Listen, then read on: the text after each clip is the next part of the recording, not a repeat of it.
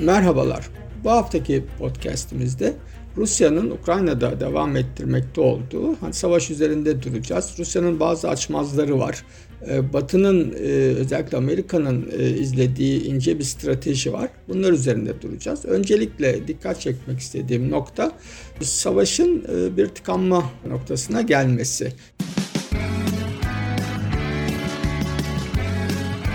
Oku, dinle, izle.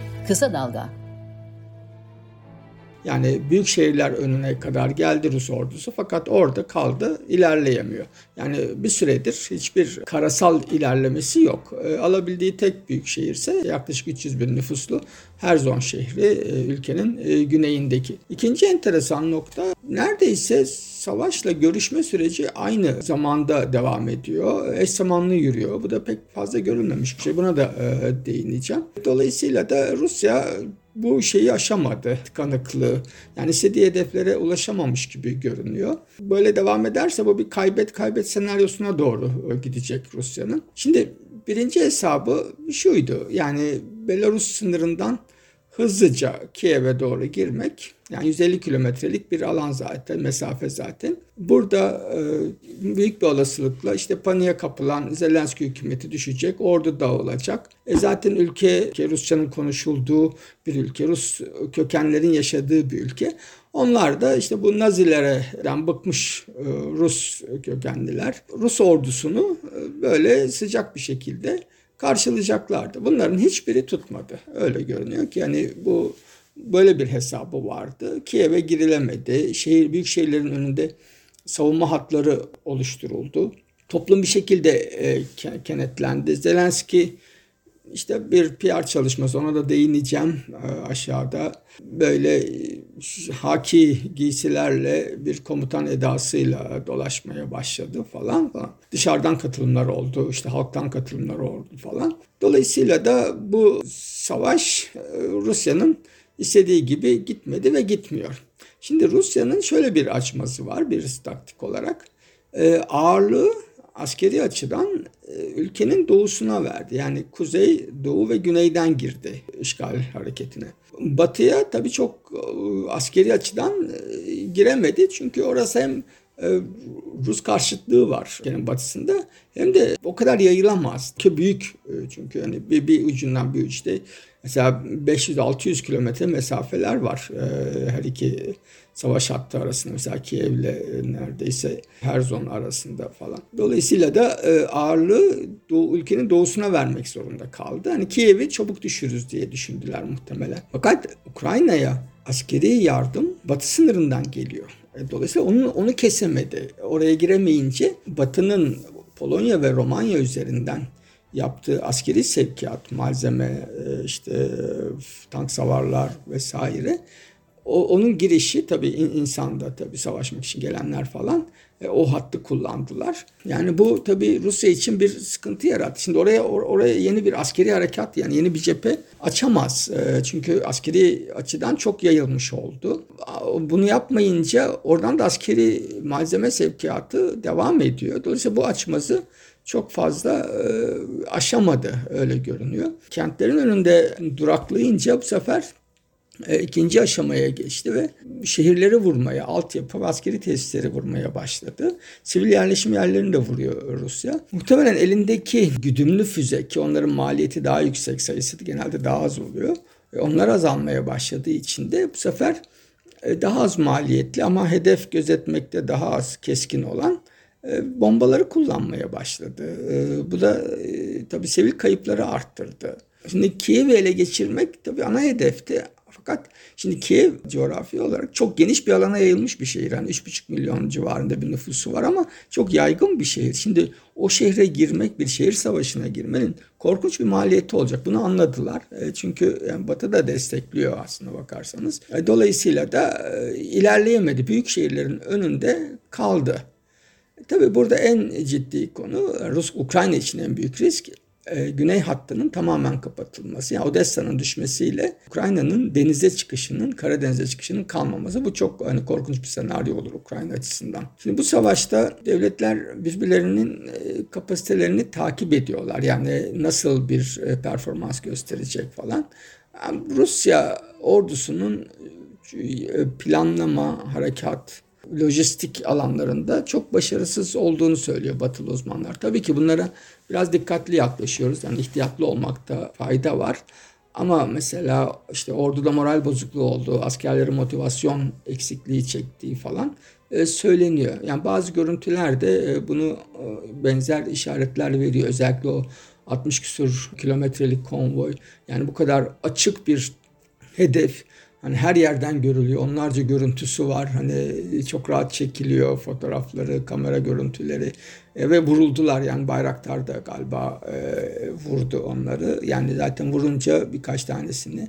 Özellikle şeyi vuruyorlar. Yakıt tanklarını, e, tankerlerini vuruyorlar. Onlar işte şey yakıt veremiyor. Yakıt veremeyince e, zaten e, yani yakıt olmayan bir tank araba gibi yani işte bir demir yığınına dönüşüyor falan. Ama Batı ve özellikle Amerika yani çok Allah dışarıdan e, etkili bir strateji izliyor aslında bakarsanız. Yani elini ateşin içine sokmadan dışarıdan yalnızca takip etmiyor. Aslına bakarsanız işin içinde de Amerika. Şimdi bu savaş Rusya'yı zayıflatıyor ve Amerika bunu sonuna kadar kullanıyor. Müthiş bir avantaj sağladı Amerika. Bir defa Zelenski üzerinde çok yetkisi var ve Zelenski mecbur ve mahkum Amerikan desteğine. Ee, savaş uzadıkça sahada Rus ordusu, içeride Putin, e, Rus ekonomisi ve dünyada da imajı çok bozuluyor. Amerikan istihbaratı biliyordu Putin'in e, Ukrayna'ya gireceğini ve son bir yıldır Ukrayna'ya yapılan e, silah yardımı artmıştı. Ama savaşın başlamasıyla birlikte öyle bir hız kazandı ki Şimdi normalde Amerika'nın silah satması öyle zannedildiği gibi kolay bir süreç değildir. Çok e, karmaşık bir bürokratik mekanizması var. Yani hepsini şimdi burada şey yapmaya gerek yok. İşte kongreden yönetime gidiyor, dışlarına gidiyor falan filan. Bir sürü şey. Önce ülke talep ediyor. E, mektup yazılıyor, talep mektubu vesaire. Yani çok uzun bir süreç ve kongreden işte geçmesi gerekiyor. Yani bazen iki kanattan birden. Hani belli bir miktarı aşan silahlar tabii. Şimdi fakat e, Biden yönetimi işte acil yardım maddesini kullanarak kongreyi dışarıda tutarak hızla yardım etti. Hatta şöyle bir rakam var. 6 gün içinde 17 bin Javelin ve Stinger tank savar ve uçak savar füzesi verildi. Bunun içinde Almanya'daki depoları kullandılar. Sonra tabii şey de başladı. Ama verdiği silahlar Amerika'nın yani baktım böyle tek tek hepsini yazmaya ve anlatmaya gerek yok genelde hep şehir savaşına yönelik e, silah sistemleri veriyor. Mesela hiç savaş uçağı vermedi. Hiç e, saldırı helikopteri, büyük toplar, füzeler falan. Yani geçmişte de vermiş, savaştan önce de vermedi. Savaş sırasında da vermedi. Hatta Polonya biz MiG-29'ları verelim e, Ukrayna'ya çünkü Ukraynalı pilotlar bunları kullanmayı biliyorlar. MiG sınıfı uçaklar. Eski Sovyet döneminden kalma tabii eski uçaklar bunlar. Ee, siz de bize onun yerine F-16 verin dediler. Amerika bunu kabul etmedi bu öneriyi. Ve ama bütün yalnızca Amerika değil, Amerikan müttefikleri de yani Avustralya'dan Kanada'ya, Estonya'dan işte Almanya'ya kadar hepsi özellikle tank savar veriyorlar. Ee, tabii işte tüfek, kurşun geçirmez yelek, miğfer vesaire malzeme, sağlık malzemesi ve çok e, çok sayıda ülke yani neredeyse yani 10-15 ülke Ukrayna'ya çeşitli ölçülerde ve çeşitli şekilde yani farklı farklı e, silah sistemi ve malzemesi, mühimmatı e, aktarıyorlar. Oku, dinle, izle. Kısa Dalga. Şimdi bir başka boyut daha var. O da istihbarat kısmı. Şimdi Amerikan keşif ve sinyal uçakları, AVAX'lar, dronlar, Polonya ve Romanya sınırında yani Polonya, Romanya ve Ukrayna tabii sınırında uçuşlar yaparak topladıkları bilgiyi Ukrayna ordusuna aktarıyorlar. Ayrıca Amerika'nın uyduları da e, tahmin edilebileceği gibi Ukrayna üzerinde ve muhtemelen Rusya'nın e, harekatın harekat planlarını muhtemelen takip ediyorlar. Nereden nereye gidecekler, hangi birlikler yola çıktı. Bunları da paylaşıyorlar. Dolayısıyla aslına bakarsanız Amerikalılar ve tabii Ukrayna ordusu Rusya'nın her hareketini neredeyse cam gibi takip edip ne zaman ne yapacağını biliyorlar. Şimdi eğer bir ordu çok güçlü olursa hani Rus ordusu ve göze alırsa hani bu bir işe yaramayabilir. Hani ezer geçersiniz. Amerika Irak'ı saldıracağı belliydi ve ezdi geçti. Ama şimdi Rus ordusu Kiev'i mesela alamıyor. Çünkü çok büyük ve çok büyük kay, kayba kaybı göze almak zorunda. Öyle çok kolay bir şey değil.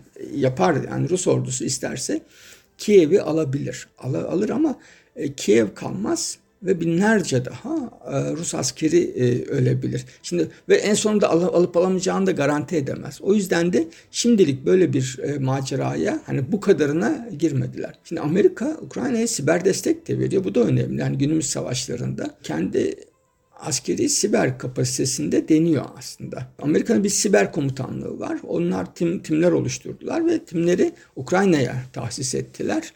Bu sürece Microsoft da destek veriyor, teknik destek sağlıyor. Ee, bu, bu kısmı da e, önemli çünkü istihbarat e, buradan da elde sızıyorlar yani. Rusya'nın istihbarat e, sistemlerine, yazışmalarına falan ulaşıyorlar muhtemelen. Bu arada Washington'da lobi ve PR yani halkla ilişkiler şirketleri Ukrayna'ya bir süredir karşılıksız yani para almadan ki hani bu Amerikan şirketleri e, şeydir hani para bunların vazgeçilmezidir. E, Amerika çok kapitalist bir ülkedir. Öyle haydına kimse bir iş yapmaz. Ama e, imaj çalışması, uluslararası işte halkla ilişkiler vesaire çok iyi destek e, sağlıyor e, bu şirketler. E, hem lobicilik Dolayısıyla da hani Ukrayna ordusuna bir taraftan kendi direnci gerçekten e, savaşıyorlar. Bir taraftan işte Amerikan desteği, müttefiklerin desteği yani moral olarak da ayakta tuttu belli ki. E, ilerleyemeyince yani ilk, ilk üç günde ilerleyemeyince hemen Ruslar görüşmeye razı oldular ve işte Belarus'ta yapıldı e, ilk görüşme. Fakat enteresan bir şey. Savaşın 20. gününe gelindiğinde taraflar zaten dört kere görüşmüşlerdi. Bu çok ilginç bir durum. Yani dünya tarihinde böyle bir şey yok. Neredeyse hani savaşla heyet aynı anda yola çıkmış gibi bir görüntü var. Yani öyle değil ama işte birkaç gün sonra, üç gün sonra falan görüştüler. Rus ve Ukrayna heyetleri. Bu enteresan. Yani belli ki Putin işi az maliyetle kapatmak istiyordu. Hani korkacak e, Zelenski ve hemen e, Rusya'nın isteklerini kabul edecek. Öyle olmadı. Zelenski de direniyor. Şimdi Ruslar yani söyledikleri şeyleri artık hani yansıdığı kadarıyla biliyoruz. İşte Kırım'ın ilhakını kabul edin, Donbas'a özellik verin, burada Rus askerleri kalsın. Nazilerden arındırın ülkeyi, silahsızlandırın, NATO'ya üye olmayın gibi koşullar var. Şimdi bana çok enteresan geliyor çünkü ya zaten Kırım'ı ilhak etti. Yani bu burası benim toprağım. Hani Türkiye'de olsa il hani böyle numara falan koyuyorlar ya e, şeylere Musul'a falan hani. E, Rusya bunu yaptı zaten. Ve Ukrayna'nın bunu değiştirecek gücü de yok. Hani askeri bir kapasitesi yok. Uluslararası toplum da bunu kabullendi. Yani tamam yaptırım uyguladılar ama kimse de artık Kırım'dan çık bilmem ne demiyoruz. Yani bu, bu, bu, bu bitmiş bir hikaye olarak görülüyor. Çünkü gidip oradan askeri olarak çıkarman gerekiyor. Hani yoksa Rusya'yı oradan yaptırımla çıkartamadılar. Hani bu, bu zaten mümkün değildi. Donbas'a özellik falan. Hani şunu söylemeye çalışıyorum. Ya bunlar için ve NATO'ya üyelik tabii. Bunlar için bu kadar kanlı bir savaşa gerek yoktu. Hani bütün dünyayı karşına al, ekonomiyi çok zora sok, komşu bir ülkeyi işgal et, o halkı karşına al. Ya bu kadarına gerek yoktu ki. O kadar alt üst olmaya gerek yoktu. Bunların bir, her biri konuşup tartışılabilecek şeylerdi Ukrayna ile ve Ukrayna ile görüşülüyordu. Yani bu, bu görüşülmeyen bir şey yoktu. Hani mesela asla biz Rusya ile görüşmeyiz falan. Kaldı ki Rusya hani bir parçası orası hakikaten yani işte 100 yıl neredeyse işte 1917'den şeye kadar ondan öncesinde de tabii yani Rusya ile çok yakın iç içe bir yer. Dolayısıyla Rusya Rusya bilenler var. Hatta halkın çoğu Rusça biliyor. Eski kuşaklar hani yaşıyor hala. Sovyet dönemini görmüş kuşaklar var. Bütün eski Sovyet coğrafyasında Rusya'nın eli uzundur. Dolayısıyla da bunu şey yapmaya hiç gerek yoktu. Araçları kullanarak da bazı şeyleri elde e, edebilirdi. Ama belli ki Zelenski yönetimi de şimdilik e, ayak sürüyor. Onlar da bazı e, koşullar ileri sürüyorlar. Dolayısıyla da görüşmelerden bir sonuç çıkabilir. E, bu sonuç e, giderek Rusya'nın zorlanmasıyla bağlantılı olur. Yani Rusya zorlandıkça görüşmelerin sonuç vermesi ihtimali artar. Şimdi Rusya'yı dünya siyasetinde en önemli aktör yapan şey e, askeri gücüydü. Ve bunu istediği zaman kullanabilir olmasıydı. Şimdi bu sorgulanır oldu. Şimdi savaş uzadıkça ABD ve müttefikleri hem askeri yardım arttırdılar hem de e, sivil bombalamalar Rusya'yı çok zor durumda e, bırakıyor. Amerika Rusya'yı Ukrayna'da oyalamaya itiyor. Çok ince bir strateji bu. Hani hiçbir tek bir Amerikan NATO uçağı işin içine girmiyor. Öyle olsa Putin bunu hemen şeye çevirecek. Yani Batı ile Rusya arasındaki bir savaşa çevirecek ama öyle yapmıyor. Ee, uzaktan e, destekleyerek ve bu arada da sinir savaşına da çevirdi bunu. İşte Putin savaş suçlusudur falan gibilerde. Oysa biliyoruz ki yani Amerika geçmişte işte Afganistan, Irak savaşı, özellikle bu Somali, Yemen ve Pakistan'da drone yani silahlı dronlarla hava araçlarıyla, insan hava araçlarıyla sivillerin vurulması. Eğer hani sivillerin öldürülmesi ve savaş suçu arasında ilişki kurulacaksa ne o zaman Amerika'dan başlamak gerekiyor falan. E, yine enteresan bir nokta. Uzun süredir hani Batı müdahaleciydi. Şimdi muhtemelen Amerikalılar e, Rusya'yı izliyorlardır. Ya biz hep, hep biz bu durumda oluyorduk. Yani biz işgal eden e, biz başka ülkelere askeri müdahalede bulunan ve eleştirilendik. Böylelikle hem stratejik pozisyon hem moral pozisyonu bir arada örtüştürebildi Batı. Eğer Rusya buradan kaybederek çıkarsa bir tek Ukrayna değil Amerika da kazanacak. Hem de hiç asker kaybetmeden olacak bu. Bu da e, tarihe böyle e, geçecek sanırım. Çok teşekkürler dinlediğiniz için. Kısa Dalga podcastleri Demet Bilge Erkasab'ın editörlüğünde Mehmet Özgür Candan'ın post prodüksiyonu ve Esra Baydemir'in hazırladığı görseller ile yayınlanıyor.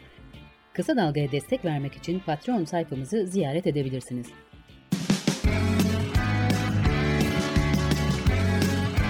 Oku, dinle, izle. Kısa Dalga